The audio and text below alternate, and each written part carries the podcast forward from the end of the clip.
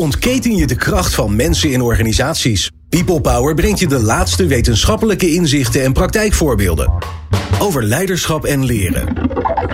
Betrokkenheid en bevlogenheid. Inzetbaarheid en inclusie. Omdat mensen het verschil maken in jouw organisatie. People Power met Glenn van der Burg. Tijdens de coronacrisis stond het water bij zorgprofessionals tot aan de lippen. En soms eroverheen. Al lijkt de crisis nu onder controle, de problemen in de zorg zijn nog niet opgelost. Tekort aan personeel en vergrijzende bevolking zorgen voor uitputting, stress en problemen bij zorgprofessionals. En dat terwijl de zorg steeds complexer wordt. De zorgsector zit in de knel en is hard op zoek naar oplossingen. Hebben we een fundamentele omslag nodig in hoe we zorgprofessionals opleiden? Hoe maken ziekenhuizen nog tijd en ruimte vrij voor een leven lang leren? En is er naast de verplichte nummers ook ruimte voor eigen wensen of persoonlijke ambitie? Te gast Diederik Gommers, hoofd van de intensive care aan het Erasmus MC en tevens ook nog hoogleraar en nog heel veel andere dingen. En Tom Bos, directeur van de Skills Town Groep, zijn te gast. Fijn dat jullie er uh, allebei zijn. Uh, Diederik, fijn dat jij je tijd wilde vrijmaken. Nou ja, je bent ondertussen, natuurlijk ondertussen gewend om in de media op te treden. Maar fijn dat je voor ons tijd wilde maken om even de inhoud in te duiken in het onderwerp leren.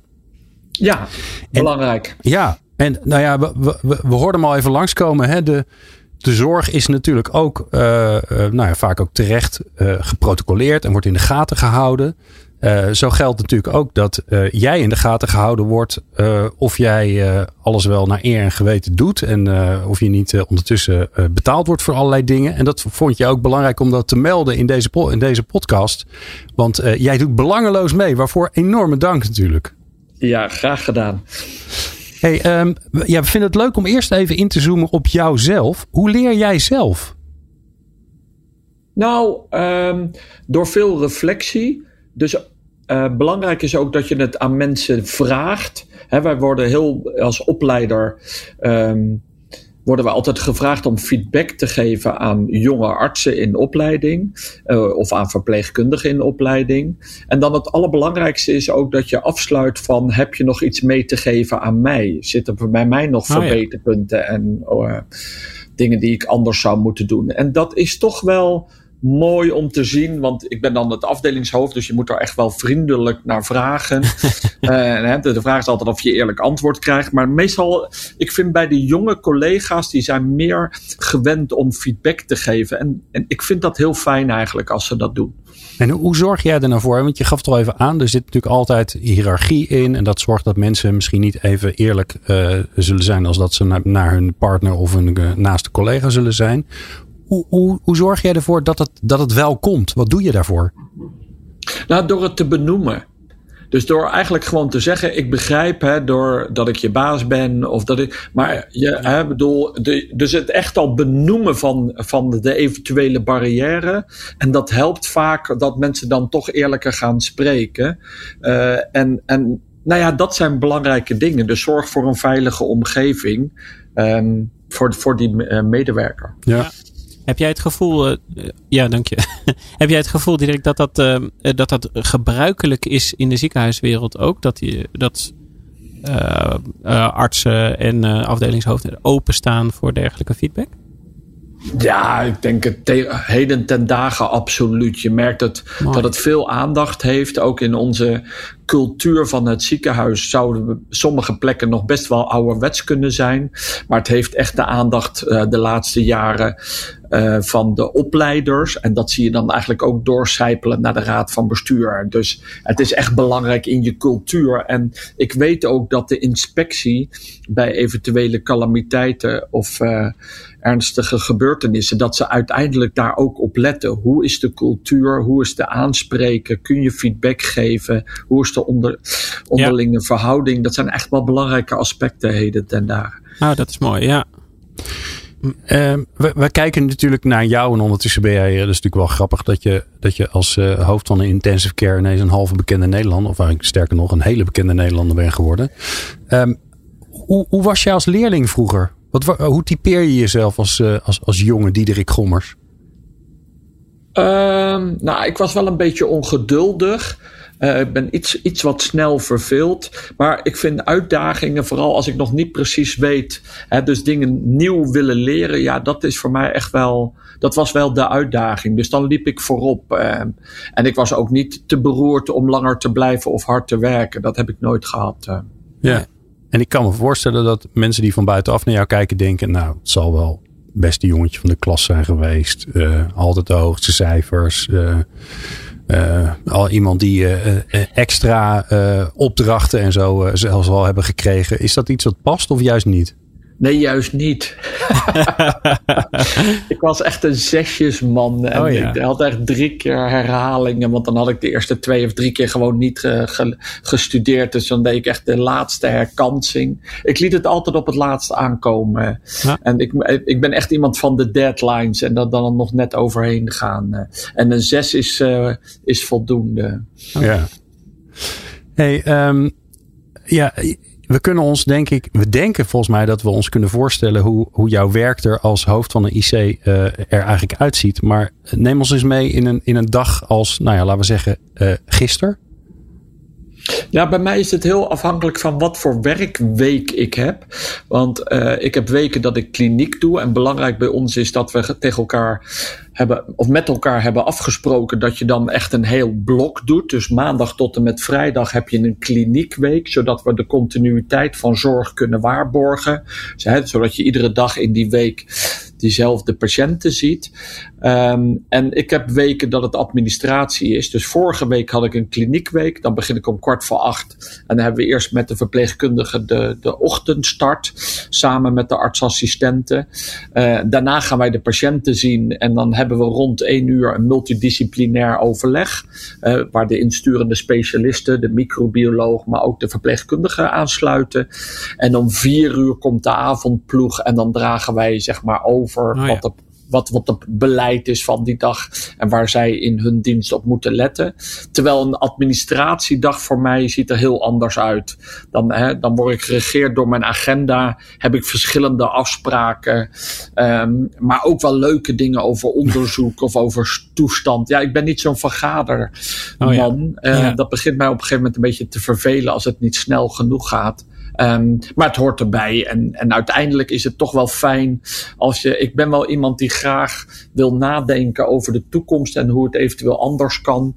Ja, dan is het ook wel fijn dat je aan de knoppen mag draaien. Ja. En hoe is die balans tussen die twee? Dus als je daar, als je daar percentage aan moet geven, want dat hoor ik vaak terug in de zorg, hè, dat de, de, de administratiedruk eigenlijk te groot is. Hoe zit het bij jou? Ja, bij mij is die ook, ook wel groter. Ik denk dat ik ongeveer 40% kliniek doe en 60% management en, uh, en onderzoek en onderwijs. Oh ja. En zou je willen dat dat anders is of is het eigenlijk wel prima? Nou, die kliniek is ook echt wel leuk. Uh, het vergaderen. Ik ben nu wel echt wel bezig om te kijken van luister eens, ik heb toch nog te weinig tijd om gewoon even niks te doen of even te kletsen om, om na te denken. Ik, ik heb het oh idee dat ik mezelf soms voorbij loop en dat ik niet af en toe stilval. Ja. En als je over de toekomst wil nadenken of als je kritisch genoeg wil zijn op de dingen die daar iedere dag we aan het doen zijn, dan moet je ook af en toe stilvallen. Ja, oh ja. En nou, nou hoorde ik je in het begin zeggen, Diederik, ook van eh, eh, ik als opleider, en, en, en, ik hoor je dat nu net ook als taak benoemen. Eh, ja, ik ben een beetje een leek in het zorgvak, zeg maar. Wat, uh, wat houdt dat in? Hoe, hoe vullen jullie die rollen in? Ja, wij, officieel hebben we een opleider. Dat ben ik niet meer. Dat ben ik in het verleden geweest. Okay. Maar als opleidingsgroep, hè, we zijn met 25 intensivisten, ja. ben je allemaal onderdeel aan de opleiding, omdat er artsassistenten met jou meelopen. Ah, zo. Uh, ja. En dan wil je ze ook het vak leren. Dus dan ben je onderdeel van de opleidingsgroep. Ja, ja. Ja, een soort meest, meestergezelachtig uh, ja, idee, zeg ja, maar. Ja. ja. Mooi. Oh ja. Hey, nou, laten we even de, de switch maken naar, uh, van jou als individu naar, uh, naar de, de zorg. Dat is nogal, uh, dat is nogal een grote, grote groep waar we het dan over hebben. Wat is, wat is de grootste uitdaging binnen de zorg? Is dat nog steeds het tekort aan personeel? Ja, ja absoluut. En, en, en dat was eigenlijk al voor de COVID. Hè, dat zagen we eigenlijk al aankomen. Um, en dat we liepen al um, op ons standvlees, als ik heel eerlijk ben. Dus we liepen ja. eigenlijk alle gaten al dicht. Dus er vielen veel OK's uit, omdat er net te weinig personeel was. Of de, de patiënten konden niet door van de IC naar de afdeling, omdat er tekorten waren op de afdeling. Maar dus ook op de intensive care. Maar ook van patiënten ontslagen uit het ziekenhuis, dat er dan weer te weinig patiënt, of, uh, zorgpersoneel in de thuiszorg of in verpleeghuizen. Dus die hele capaciteit stond al, staat eigenlijk al langere tijd onder druk. Alleen dat is heel zichtbaar geworden in de, in de COVID-tijd. Heb je een idee wat de oorzaak daarvan is? Ik ben zo benieuwd van, ja, ik, ik snap, er zijn überhaupt weinig mensen natuurlijk op de arbeidsmarkt. Maar heb je een indruk waarom het juist in de zorg zo nijpend is? Nou, we zien altijd als er een crisis was of is, dan zien we een aantal mensen die weer uh, meer blijven. En als het beter gaat in de economie, uh, dan zie je ook weer wel weer mensen dat er wat ruimte komt en dat dus mensen andere dingen gaan doen of ja. minder gaan werken. En heel veel verpleegkundigen werken natuurlijk parttime, oh ja. uh, omdat ze ook andere taken en uh, ja. privéleven belangrijk vinden. Dat is ook eigenlijk helemaal prima. Mm -hmm. Maar daardoor merk je wel dat het dus ook een beetje um, ja, crisisafhankelijk is. Maar daarnaast uh, is vooral het werkplezier heel belangrijk. Hè? Dus omdat we zo scherp aan de wind zijn gaan varen en op kosten letten uh, en nog efficiënter werken, ja. is er voor veel mensen ook het werkplezier uh, vervallen. Um, hè, dat zag je in de thuiszorg, waar ze op een gegeven moment gingen klokken wat je allemaal kon doen in een half uur. Hè, minutenwerk, terwijl het soms is vooral het allerbelangrijkste is aandacht geven aan je patiënt of degene met, voor wie je zorgt. Um, ja. En dat empathische, ja, dat is zo belangrijk. Dat is de intrinsieke motivatie van een zorgprofessional. Ja, als je daaraan gaat knabbelen en aan die tijd gaat zitten, ja, dan, um, ja, dan denk ik eigenlijk dat je eigenlijk aan de essentie van ons werk komt. Hè. Ja, precies. Ja. ja, ik zat net nog uh, in de voorbereiding even door wat cijfers heen te bladeren uh, omtrent het stapbudget. Uh, zegt je dat wat, Dirk? Nee. Ja, dat is een, dat is een opleidingsbudget voor, voor elke Nederlander. Dat is geïntroduceerd door onze vorige ministers van Onderwijs. En dat is een, een, een, pot van 1000 euro per persoon waar je aanvragen kan doen om subsidie te krijgen. Wat me nou zo opviel was dat uh, uh, zorg en welzijn, dat is natuurlijk wel een heel breed begrip, als zijnde de sector, dat daar de meeste opleidingsaanvragen in werden gedaan. Dus ik zag daar ook nog wel een risico dat er met name nu veel mensen bezig zijn om juist uit de zorg te komen. Omdat ze dus daar uh, opleidingen kunnen volgen nu gesubsidieerd om een ander beroep te leren. Ja. Dat, ja. Is dat iets wat je bekend voorkomt? Ja, nee, maar ik denk ook wel dat dat belangrijk is. Kijk, wat er door de COVID ook gebeurd is, is dat iedereen over na gaan denken is, wat vind ik nou eigenlijk echt belangrijk in het leven? Hè? Ik bedoel, ja. we zijn toch een beetje teruggezet. Um, hè, familie zijn weer belangrijk. We zijn ook over dingen gaan nadenken. Dus het is ook, vind ik helemaal prima dat mensen zeggen, joh, luister eens even, ik heb er nog eens over nagedacht, maar ik doe dit nou al 10, 20, 30 ja. jaar. Ja. Um, het wordt gewoon tijd voor iets anders. En ik heb altijd eigenlijk uh, iets leuks gevonden en daar ga, ga, ik in studeren. Dat lijkt me helemaal goed juist. Ja. Ik denk ook dat je juist vanuit de onderkant moet nadenken. En dat wij als werkgevers ook echt moeten zorgen dat de omgeving waar onze mensen uh, willen en kunnen werken, dat die uitdagend is. Dus wij zullen eigenlijk vooral, vind ik, moeten nadenken hoe wij de zorg hebben ingericht, of dat ook niet aan verandering toe is en of dat kan. Um, en dat je ook gewoon eerlijk tegen elkaar durft te zeggen: ja, maar wij doen dit wel altijd op deze manier. Maar wat nou als we het gewoon helemaal anders gaan doen? Ja. En in die fase zitten we wel. We zijn in de zorg vaak wel heel conservatief. Als ik voor mijn intensive care praat, wij doen al 25, 30 jaar op precies dezelfde manier leveren wij die zorg. Hè. Dan zitten we één verpleegkundige zit s'avonds en s'nachts naar twee patiënten in de gaten te houden. Ja. Maar de vraag is, moet dat allemaal nog? Maar we hebben het op een gegeven moment zo ingericht. En ik begrijp ook wel, als je het dan zo ingericht hebt, dat dat moeilijk te veranderen is. Maar we hebben ook nooit die behoefte gehad om het te veranderen. Ja, omdat we er blij mee waren en het een goede kwaliteit van zorg was. Maar nu is het wel momentum uh, om daar met elkaar nog eens kritisch naar te kijken. En daar kijken waar we verandering in kunnen aanbrengen. Ja. Ja, want kijk, ik, ik probeer dit soort dingen altijd naar het meest eenvoudige terug te brengen. En dan denk ik, ja, als je te weinig verpleegkundigen hebt, en in jouw geval natuurlijk te weinig IC-verpleegkundigen, ja, dan zijn er twee mogelijkheden. Of je zorgt dat je er minder nodig hebt, of je zorgt dat er meer komen. Hè? En jij hebt het eigenlijk over, ja, waarom moet er één op twee? Kunnen we dat niet anders doen? Aan de andere kant ben ik ook wel benieuwd, hoe word je een IC-verpleegkundige? Dus kun je ons als leken even door die stappen heen helpen van, nou ja, laten we zeggen, uh, je komt van de, van de HAVO of de VWO of van de, van de MAVO af. En je gaat vervolgens welk opleidingstraject ga je dan wel niet in?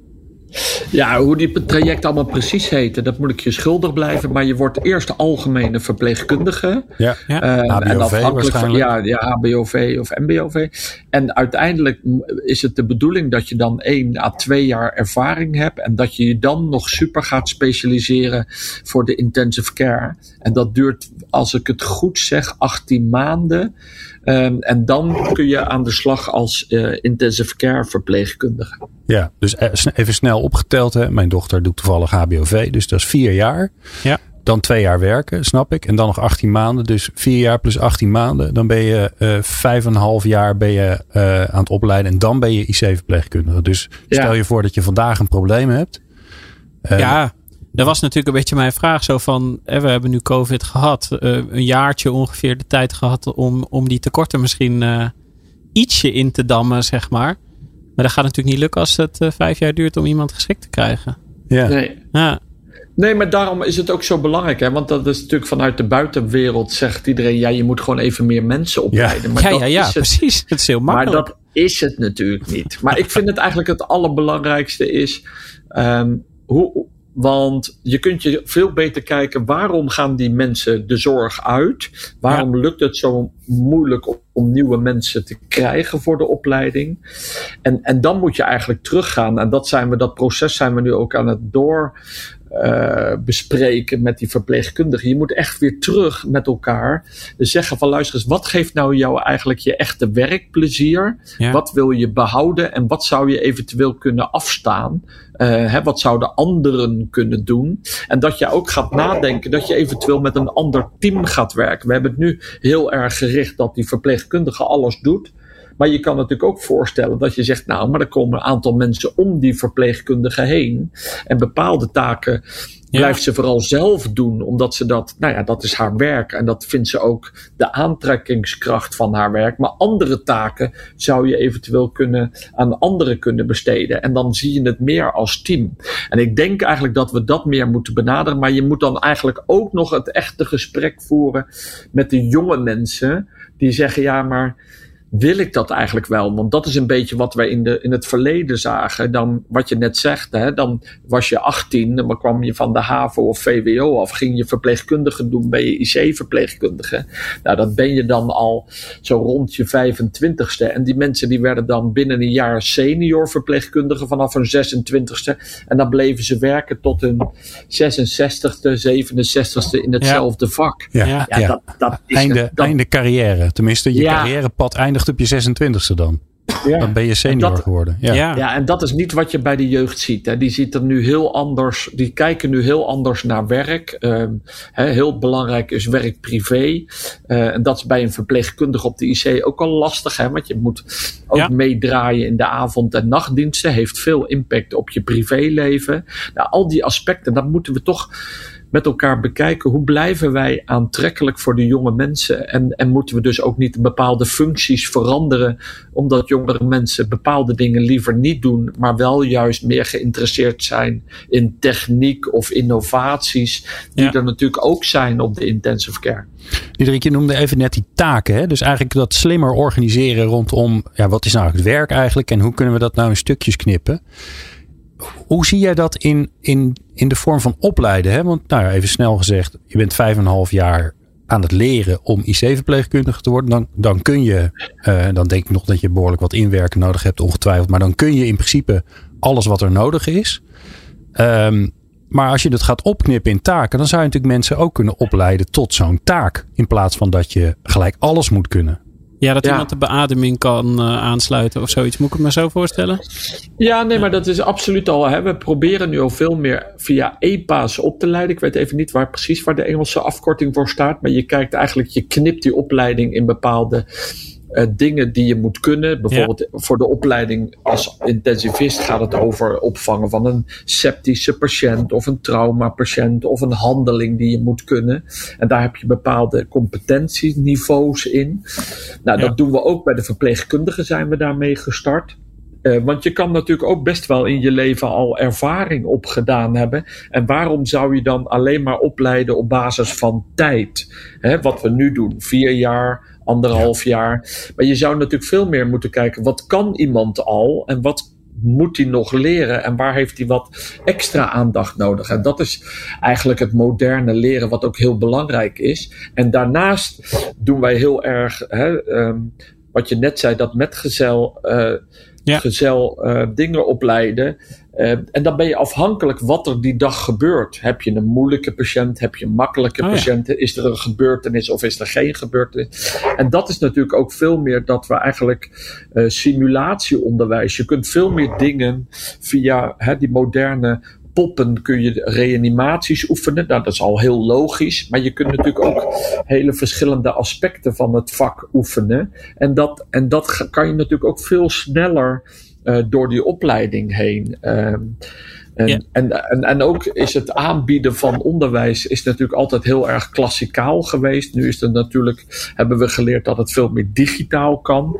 En de ene uh, studeert lekkerder s'avonds en de ander s ochtends om acht uur. Al die aspecten die worden eigenlijk steeds belangrijker. En daarom moeten we eigenlijk steeds meer maatwerk leveren voor, voor de opleiding. Maar ik denk uiteindelijk dat het ten goede komt. Ik denk dat het eindproduct beter wordt. Ja, maar je zegt iedere keer, we, we, we doen het al. Um, waar gebeurt het dan al? Want ik denk dat als je kijkt naar nou ja, zeg maar hoe mensen traditioneel opgeleid worden tot verpleegkundige of tot IC-arts, die wegen zijn nog redelijk hetzelfde. Um, je moet natuurlijk ook ja, je wil natuurlijk ook dat mensen echt goed competent zijn. Want dat gaat natuurlijk om leven en dood. Dus we, we kunnen niet uh, zeggen van nou, uh, je kan het een beetje, doe, probeer het maar eens een keer uit. Ja. Um, nee, nee, maar daar word je ook dan echt op getoetst. Hè? Dus, um, dus we hebben dus bepaalde dingen moet je kunnen. En dan word je ook getoetst in welk level zit je. Nou, uh, en daarmee, ja. daarmee kunnen we ook zeggen, nou oké, okay, dit kan je zelfstandig. Dit moet je nog met je supervisor hm. die cool. naast je staat. Dit is met een supervisor op afstand. Dus dat anders opleiden, dat doen we al zeker voor de artsenopleiding of medisch specialistenopleiding. Maar dat is nu ook voor de verpleegkundige opleiding. Ja, en ik denk dat dat heel snel nu verspreid wordt. Ik heb geen precies kennis hoe dat in de landen gebeurt, maar dit is echt wel het moderne opleiden. En daarmee kan je ook sneller opleiden, omdat mensen ook vaak al ervaring hebben in of ander werk of ja. als verpleegkundige. Uh, en, en zul je dus veel meer maatwerk moeten leveren. Ja, en, je, hm. maar, en ik snap dat jullie het al doen. Hè? Dus zeg maar de opleiding als je verpleegkundige bent. De specialisatie naar IC-verpleegkundige, daar doen jullie dit dus al. Hè? De, ja, we, ja, ik had met Tom een beetje in de voorbereiding erover. Wij zagen het een beetje als de scouting voor ons. Hè? Dat, ja, beetje, die, uh, dat je een badge kan halen. Maar dat hoor ik je eigenlijk letterlijk zeggen. Hè? Er zijn dingen die je al zelfstandig kunt. De dingen zijn dingen waar je nog begeleiding bij nodig hebt die vier jaar ervoor, je hebt natuurlijk wel mensen nodig die al verpleegkundigen zijn. En als ik die opleiding zie, dan is hij best wel, nou best wel, is hij heel algemeen. Hè? Je krijgt ouderenzorg, je krijgt, uh, uh, uh, ja. nou je gaat zeg maar alle, alle vormen van zorg, ja. van thuiszorg tot, tot ziekenhuis, revalidatiezorg, ga je allemaal door. Het is natuurlijk ook heel oriënterend gericht hè, om te ontdekken waar je precies lekker landt als ja. zijnde jong student. Ja. Nee, maar je zou, bedoel, maar ik ga daar gelukkig niet over. Maar je zou natuurlijk ook kunnen bedenken. ja, nee, ja. nee, nee, maar je zou natuurlijk kunnen denken dat, dat we daar natuurlijk stappen in gaan maken dat je daar um, modules in maakt. En dat je zegt: Oké, okay, je hebt die en die module, lees EPA gehaald. Daarom ja. mag je dit werk wel gaan doen. Maar wil je, hè, bijvoorbeeld als je zegt: Nou, de ouderenzorg heb je nog niet gedaan. Moet je eerst die module dan wel EPA doen voordat je weer verder kan. Ja. Um, en dat is wel, denk ik, wat er steeds meer gebeurt. Om het ook aantrekkelijk te houden voor mensen. Want anders ben je. Want de opleiding verpleegkundige is best zwaar. Je moet hard veel stampen het, niveau, verschil tussen artsen en verpleegkundigen in kennisniveau. Sommige dingen zijn hè, de fysiologie en dingen zijn best wel op hetzelfde niveau of benaderen elkaar. Dus het is ook echt wel pittig. Ja, en je moet er dan wel de lol in houden. En dat is toch wel wat bij zorgprofessionals merkt, dat je gewoon aan het bed wil staan of gewoon met die patiënten wil werken. Dat geeft natuurlijk een beetje de jus uh, aan de opleiding. Ja, precies. Ja. Hoe, hoe zit het dan met de, ja, ik noem maar even de, de verplichte nummers, de dingen die je moet doen om, je, om je, je, je vak te mogen blijven uitnodigen en alles wat meer over ja, je professionele ontwikkeling, je, je inzicht in, je, in jezelf, persoonlijk leiderschap. vullen die elkaar aan of zitten die elkaar juist in de weg, dat verplichte karakter en dat niet verplichte karakter? Nou, maar dit soort dingen zijn juist heel belangrijk geworden en heeft ook echt wel aandacht gekregen nu in de opleidingen. Want, want verpleegkundig leiderschap of uh, carrièreperspectief, dat zijn nu de dingen die juist opgepakt zijn in het kader van, jongens, die professionalisering van de verpleegkundige. Dat heeft nu echt onze aandacht. Dus, dus verpleegkundig leiderschap is echt um, een issue waar, we, waar mensen meer in, uh, in opgeleid worden, wat ook meer aandacht heeft, maar vooral ook die carrièreperspectief. We hebben heel lang gezegd, alle verpleegkundigen zijn hetzelfde. Maar waarom zou dat moeten? Uh, en je wil dus eigenlijk vooral dat mensen zich kunnen verder subspecialiseren. Hè? Dat zijn verschillende opleidingen, maar ook wel in het management. En ja. juist omdat dit soort dingen juist zo belangrijk zijn. Ja, ik zou ook zelf wel juist de indruk hebben dat als jij veel aan, aan zelfontplooiing zeg maar kan doen binnen een, uh, binnen een instelling, dat sowieso als het gaat om uh, wat deze mensen drijft, is dat volgens mij echt een hele mooie, mooie aanvulling juist. Ik kan me toch best wel voorstellen ik hoor dat wel eens van een uh, verpleegkundige uit, uh, uit de privéomgeving die wel spreken van ja, je moet toch wel heel veel verplichte nummertjes ook door en herhaalnummertjes. En eh, dat is niet per se IC specifiek natuurlijk, maar uh, ja, de, de, het is best moeilijk volgens mij om in de zorg aan toe te komen. Om dan te zeggen, nou ik ga eens voor mezelf hè, me als leider ontwikkelen. Of ik ga me op, op, op communicatie of ik noem maar wat, persoonlijke ontwikkeling ga ik mezelf ontwikkelen. Het is best moeilijk om, ja, maar dat... om in te passen denk ik. Ja, zeker dat het moeilijk is, maar dat is, vind ik wel echt een, um, een opdracht van jouw leidinggevende. Ja. He, dat je dus meer in je jaargesprek het gesprek aangaat. Uh, en dat je juist dit soort dingen benoemt. En dat je dus ook dingen ziet bij iemand. En dat, maar dat Precies. je dan ook de mogelijkheden schept. He, dat je ziet dat je zegt van luister eens, ik zie aan je of ik merk aan je dat je he, bepaalde dingen regelt. Uh, is dat iets voor jou? Past dat bij jou? Nou, en dat je dus op zoek gaat en dat je ook op tijd aanbiedt, uh, eventueel uh, in extra opleidingen. Ja.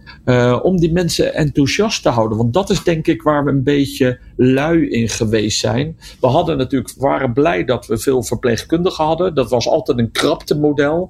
Ja, dan wilde je nog niet zeggen van luister eens, ik ga jou bepaalde opleidingen doen. Want dan hebben we nog minder mensen Precies. op de werkvloer. Ja. Maar dat is denk ik een negatief gedachtegang. Ik denk juist dat je moet stimuleren dat er carrièreperspectieven zijn, maar dat je ook mensen stimuleert om dingen te doen, om, om ze enthousiast te houden. En dan word je, denk ik, als werkgever meer uh, uh, positief uh, feedback krijg je dan. En dat vertaalt zich dan dat, denk ik, mensen bij jou willen komen werken, omdat je er juist aandacht voor hebt. Ja, heel mooi. Ik denk inderdaad ook dat het ongeveer, uh, dat het ongeveer zo werkt. Ja, dat er gewoon een soort versterkende, uh, versterkend mechanisme in zit als je mensen die ruimte geeft. En ja. Ja, het is, je zegt terecht van dat is iets met de leidinggevende natuurlijk. En daar ligt natuurlijk wel de, een enorme uitdaging, denk ik inderdaad. Want als je naar je planning zit te kijken. En je denkt, nou, eentje naar een opleiding, eentje dit, eentje dat. Ja, dan nou, kan je niet even die opleiding een poosje opschuiven of toch even een dagje minder. Of, het is natuurlijk wel een hele makkelijke om juist op in te teren als je, als je planningsproblemen hebt. Ja, waar als ja. dit waarschijnlijk op lange termijn juist je problemen gaat oplossen, inderdaad. Ja. ja. En hoe doe jij dat dan, ook in zieken, Nou, we merken ook wel in ziekenhuizen dat we heel veel geïnvesteerd hebben in het hoger management. Ik heb allerlei oh, cursussen al gedaan. Ik ben nu tien jaar afdelingshoofd.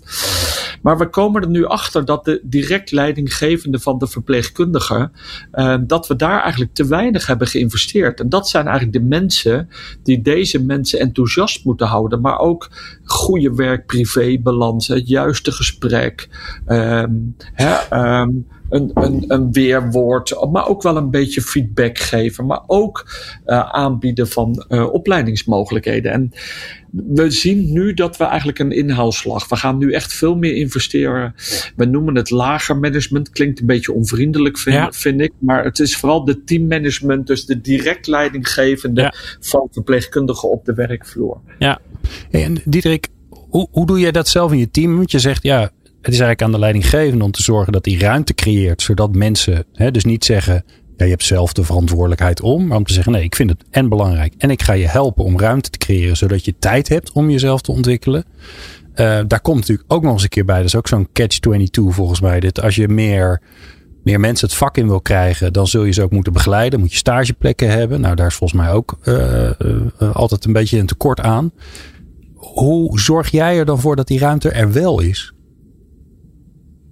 Nou, om dat ook echt met elkaar te bespreken en daar ruimte voor te maken. En, en ik, ik, ik ben niet zeg maar de direct leidinggevende van de verpleegkundige, maar ik zit wel in het managementteam waar dan de aansturing van de verpleegkundige zit. En daar hadden wij toevallig van de week in het managementteam ook, ja, we, we wilden weer meer mensen wilden de uh, eh, PA-opleiding gaan doen, uh, uh, physician assistant. Hè, dus oh ja. meer verpleegkundigen die richting artsentaken. Ja, ja, maar we hebben er te weinig verpleegkundigen, moeten we dat wel doen? Ja, toen oh zeiden we ook, ja, je moet dat juist blijven stimuleren. Want dat gaat, dat is belangrijk dat die sfeer, dat je laat zien als afdeling dat je wil investeren daarin. Ja. En, en bij de artsen doen we dat eigenlijk ook. We zien ook bij artsen dat ze na 10, 12 jaar dit vak doen, dat er bij sommigen uh, ja, een soort uh, verveel, verveling ontstaat. Of dat het niet meer het vak is wat ze ooit bedacht hadden om te gaan doen.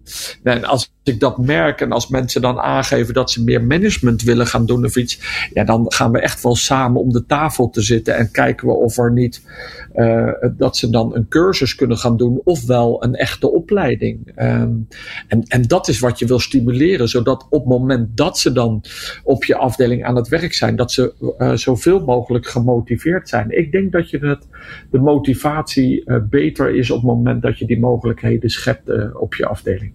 Diederik, ik wil het ook nog even met je hebben over zijinstroom. Wat ik altijd mooi vind. Hè? Want dat, dat geeft eigenlijk aan dat het al in, in de term alleen al een soort bijpad is. Um, terwijl ik denk, ja, volgens mij is het, het potentieel aan zijinstroom is per definitie groter dan de, de instroom via de normale reguliere kanalen van jonge mensen. Want dat zijn er altijd beperkt. Ja. Zeker ja. aangezien we aan het vergrijzen zijn.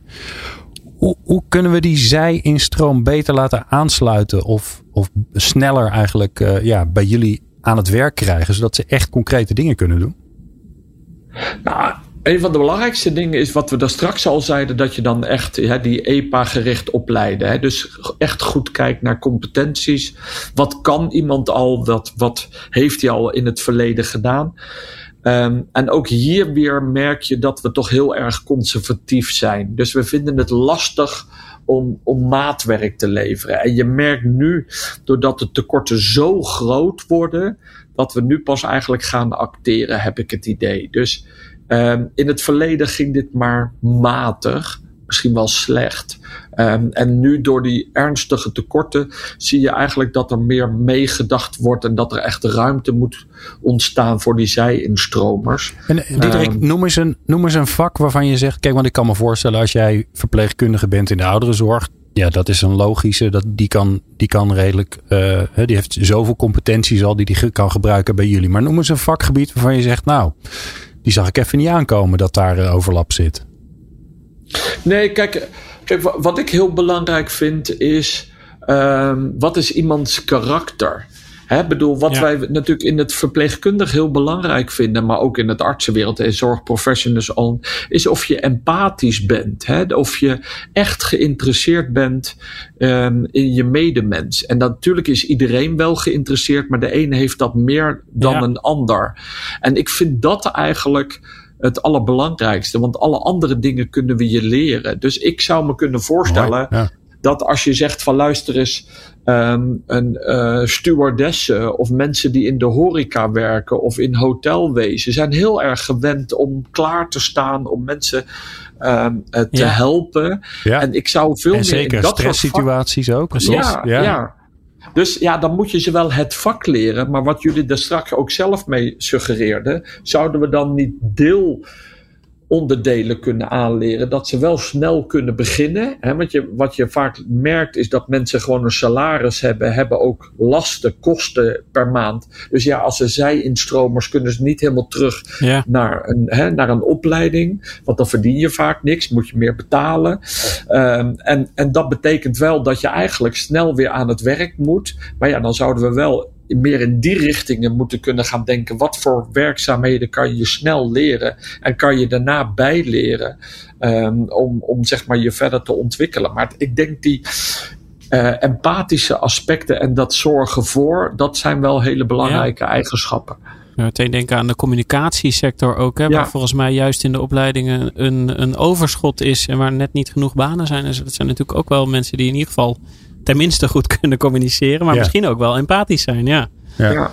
En Diederik, ik, ik hoor je allemaal dingen zeggen die, die heel erg aansluiten op, uh, uh, nou ja, um, beelden die wij ook hebben, die wij terug ja. zien komen in hè, manieren, nieuwe, moderne manieren van, van leren. Bij wie ligt dit nu? Hè? Want als ik jou hoor, dan denk ik, nou, dat komt wel goed. Hè? Dus er wordt goed over nagedacht. Uh, het in stukjes opknippen, mensen snel aan de gang. Uh, een beetje die, die traditionele paden doorbreken om, om meer snelheid te krijgen en je aan te passen.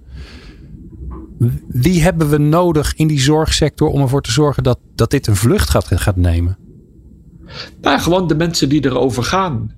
Uh, en dat klinkt heel makkelijk, maar we moeten oppassen dat we niet heel erg gaan vergaderen en dat we zitten wachten voordat de minister of het ministerie gaat besluiten. Ja. Uh, en dan is er altijd weer geld nodig. Ja, tuurlijk is er geld nodig, maar je kunt je voorstellen dat de zorg zelf ook gewoon aanzet is. Dus wij binnen het Erasmus zijn gewoon bezig van jongens, luister we hebben verpleegkundigen nodig, we hebben OK-medewerkers, we hebben verpleegkundigen op de afdeling nodig. Die, die, die zullen we toch met, met uh, zo snel mogelijk moeten opleiden, maar ook in oplossingen denken. Dus, en, en dus proberen wij ook regeltjes te veranderen of flexibel te zijn. Mensen duobanen aanbieden. Ja. Dus hè, dat je op je IC kunt werken en op de eerste hulp of op de IC en op de ambulance.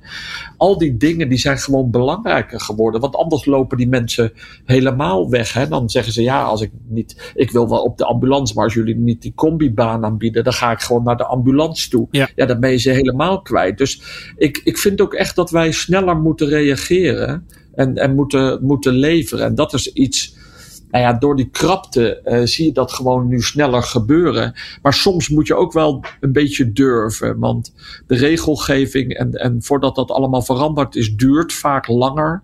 Ja, en dan is het fijn als je bij een grotere. Uh, organisatie werkt. En dat je dan zegt dat de raad van bestuur je steunt of mee wil ja, helpen. Precies. Okay. Ja, dus er is wel voldoende regelruimte in ieder geval voor jullie vrij te spelen om de boel wel alvast in beweging te zetten. Een soort van het goede voorbeeld te laten zien, begrijp ik. Ja, ja. ja. en dat is ook wel mijn leermoment. Hè. Ik bedoel, ik heb uh, mooie dingen mogen doen in de COVID. Maar nu heb ik echt zoiets van, ja, dit, hè, dat tekort aan personeel, dat wisten we eigenlijk al. Ja, dat ga ik nu, voordat ik met pensioen uh, ben, hebben we hier een groot gedeelte van opgelost. Want we moeten gewoon anders gaan denken. En je moet dan ja, nu ook gewoon een beetje doorduwen. Dus mm. uh, hè, een beetje zorgen dat er wat, wat verandert. Niet blijven op je handen ja. blijven zitten. Hm, mooi. Hoeveel jaar is dat nog voordat je met pensioen gaat? dat duurt nog heel lang. nee, nog een jaartje of acht. Uh, oh, ja. Maar ik wil oh. misschien wel eerder. Dus uh, nee, nou ja, nee, nee, nee, nee, klaar Jawel, dat is gunstig dan, toch? Ja, ja, toch? Dan moeten we haast maken. Oh, dan is, hij, ja. dan is het doel eerder bereikt. Ja, ja oké. Dat is nu de maatstaf geworden wanneer uh, ja. ik met pensioen gaat. Ja. Diederik, ik wil nog even naar de, naar de toekomst kijken. En dan specifiek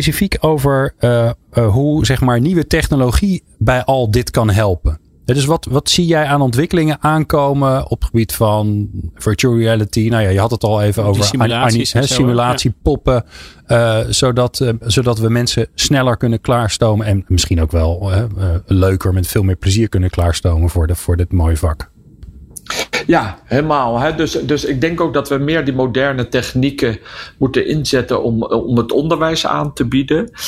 Um, maar wat wel belangrijk is, is dat je toch ook gemerkt hebt hoe belangrijk het sociale leven is. Dus ook he, gewoon in klassen zitten of dingen samen doen.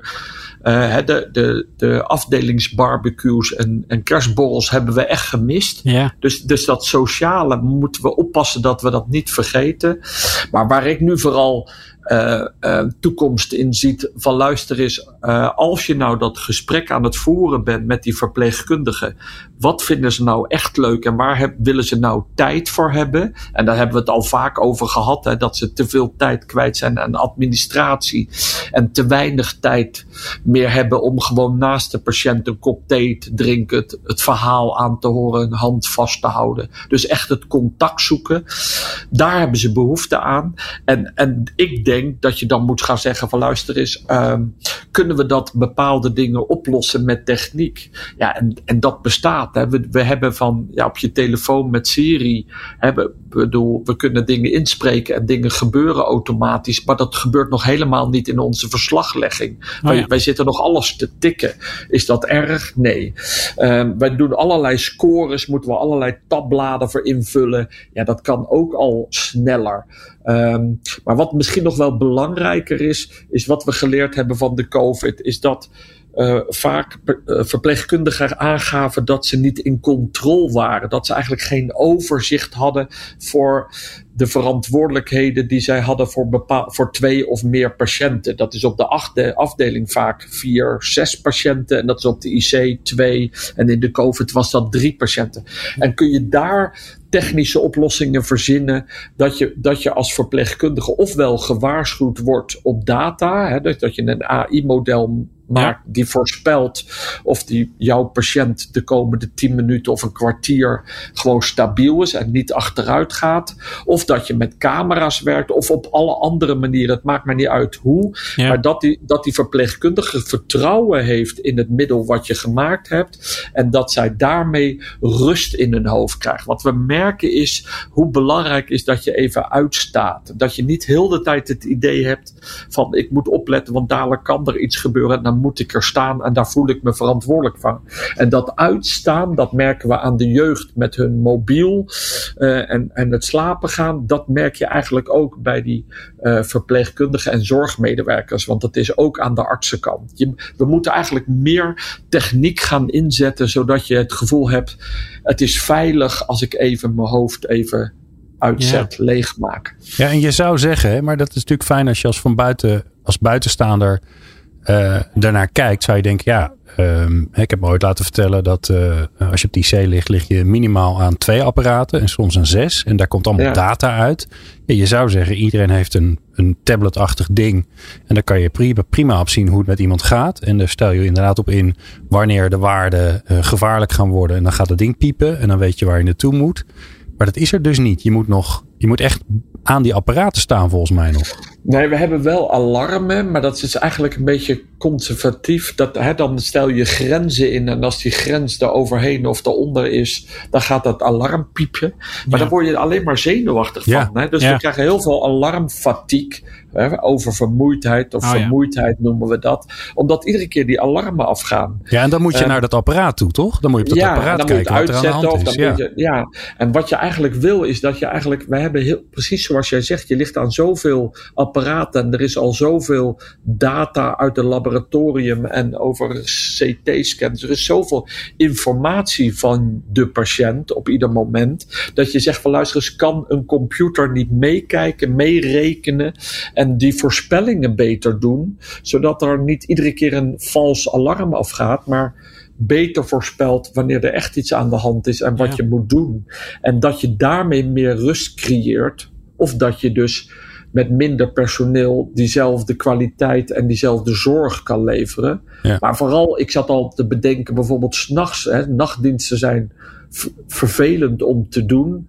Ja, hoe mooi zou het zijn dat je de computer mee laat kijken, al of niet een, een soort uh, control unit bouwt waarmee ze met camera's ook kunnen kijken. En dat er meer verpleegkundigen af en toe hazenslaapjes kunnen doen. Ja. Um, zodat die diensten gewoon minder zwaar wordt. En je piept ze wel op, of je belt ze wel als er bij unit uh, box 13 ergens iemand naar binnen moet. Uh, Ja. nou, dat soort dingen, nou, dat staat eigenlijk allemaal nog in de kinderschoenen, maar die kant moeten we op. We moeten alleen oppassen dat dan nog steeds het werkplezier behouden blijft. Want we moeten Ja. oppassen dat we niet dingen zo uh, afstandelijk maken dat het eigenlijk onmenselijke zorg wordt. Want dat hebben we in de COVID ook geleerd. Hè. In die eerste crisis, dat mensen niet bij hun ouders of hun partner die op Ja. de intensive care en dat die mensen alleen dood gegaan Ja. zijn. Ja, dat, dat is zo onmenselijk. Dat mogen we echt nooit meer doen. Uh, Ik zie ook meteen zo'n zo'n bewaker voor me die dan in een ruimte zit met twintig schermen te Ja. kijken van uh, Ja. druk even op een paar knoppen als er een alarm gaat. Zeg maar. Maar aan de andere kant, hè, Tom, en ik ben benieuwd hoe. hoe kijk, wij zijn buitenstaanders in de zorg. Wat, wat jij nu vertelt, hè, en ik, ik, heb, ik schets het zelf even, want dat komt gewoon letterlijk uit een ziekenhuisserie. Daar zie ik allemaal mensen met een iPadje rondlopen. Dus ik denk, nou, zo zal het wel gaan. Nou, dat is natuurlijk niet zo. Dat weet ik ook wel. Ja. Maar um, dat, het, dat het nog een wens is, dat het nog een droom is eigenlijk van jou, Diederik. Dat vind ik eigenlijk best wel shocking. Want volgens mij kan het allemaal. Volgens mij is het allemaal niet heel ingewikkeld. Volgens mij moet het natuurlijk moet het altijd kloppen, want het gaat om leven en dood. Ja. Lijkt me geen rocket science. Nee, maar dat is ook wel weer. Um, dat, die zorg, dat we eigenlijk geen goed kapitaal hebben om dit soort dingen dan um, te implementeren. Hè? Dus in te voeren, maar ook wel om, ja. om uit te proberen. Hè? Want we hebben heel veel geld altijd gestoken in research, maar dat was meer in ziekte behandelen of ziekte beter te begrijpen en dure behandelingen uit te vinden en die te geven. Um, en dit is eigenlijk heel erg uh, research op basis van het proces. En daar hebben we gewoon weinig mm, ja, geld precies. ingestoken. Maar er was ook niet zoveel geld mogelijk beschikbaar. Hè. De financiering is vooral gebaseerd op patiënten en patiënten beter maken. Um, en dat is ook prima, maar niet in die processen. En nu, omdat die processen en die tekorten zo duidelijk worden, ja, komt er nu wel een noodzaak. Alleen nu moet je eigenlijk zien wie doet dan die investeringen en Ja. uh, wie loopt die financiële risico's? Want de verzekeraars zeggen, ja, daar gaan wij niet over. Het ministerie geeft al veel te veel geld uit, dus die zeggen, ja, wij hebben geen geld. Maar dit bespaart Ehm, toch? Kom op. Dat kan iedereen begrijpen. Dit bespaart. Dit lost een enorm Jawel, maar dan moet je op. uiteindelijk moet je ook durven investeren. Dus Ja, daar, je, er is echt wel, echt wel geld nodig. En je merkt hoe moeilijk het nu is uh, voor het kabinet om geld vrij te maken. Tuurlijk Ja. moet het, maar ja, nou ja, je merkt dat er veel geld is. Um, maar dan is het veel in het bedrijfsleven en dan ontwikkelingen. Maar dan merk je ook gelijk weer, dan moet er ook echt aan verdiend. En dan zijn het weer investeringen. Ja. Ja, Ja, en, dat, ja. en dat is weer lastig op dit moment, want er is niet zoveel uh, investeringsruimte uh, bij de ziekenhuizen. En dan is het de overheid in ICT. En dan denkt iedereen, oh god, Ja, daar ga ik, ja, maar, daar ga ik mijn vingers niet aan branden. Hè? Ja, maar dat, ja. ja. dat zijn natuurlijk wel de, de, de uitdagingen. Ja. Diederik, ik vond het ongelooflijk leuk om met je te praten. Mooi om uh, uh, al jouw uh, praktische inzichten, maar zeker ook je visie te horen. Dus ik dank jou zeer. Diederik, Diederik Gommers van het Erasmus MC. En natuurlijk Tom Bos van de Skills Town Group. Dank je. Tom, deed jij trouwens eigenlijk Ja, belangeloos mee aan deze aflevering? Ja, ja, ja, zeker. Toch? Even de compliance ook goed regelen. Ja, ja, ja zeker. Ja. En misschien nog even een, een huishoudelijke mededeling. Ik had even EPA's opgezocht. Want dat Oh, vind ja, wat natuurlijk altijd zo. Dus dat staat voor Entrustable Professional Oh, oké. Een, beetje het, een beetje het EVC in Nederland, toch? Precies. Ja, waarvan ik de afkorting dan ook niet meer weet. Nou, tot zover alle plichtplegingen. Um, uh, dank jullie wel allebei dat jullie er waren. En jij natuurlijk ongelooflijk bedankt voor het luisteren. Meer luisteren? Ga naar peoplepower.radio en abonneer je op onze podcast.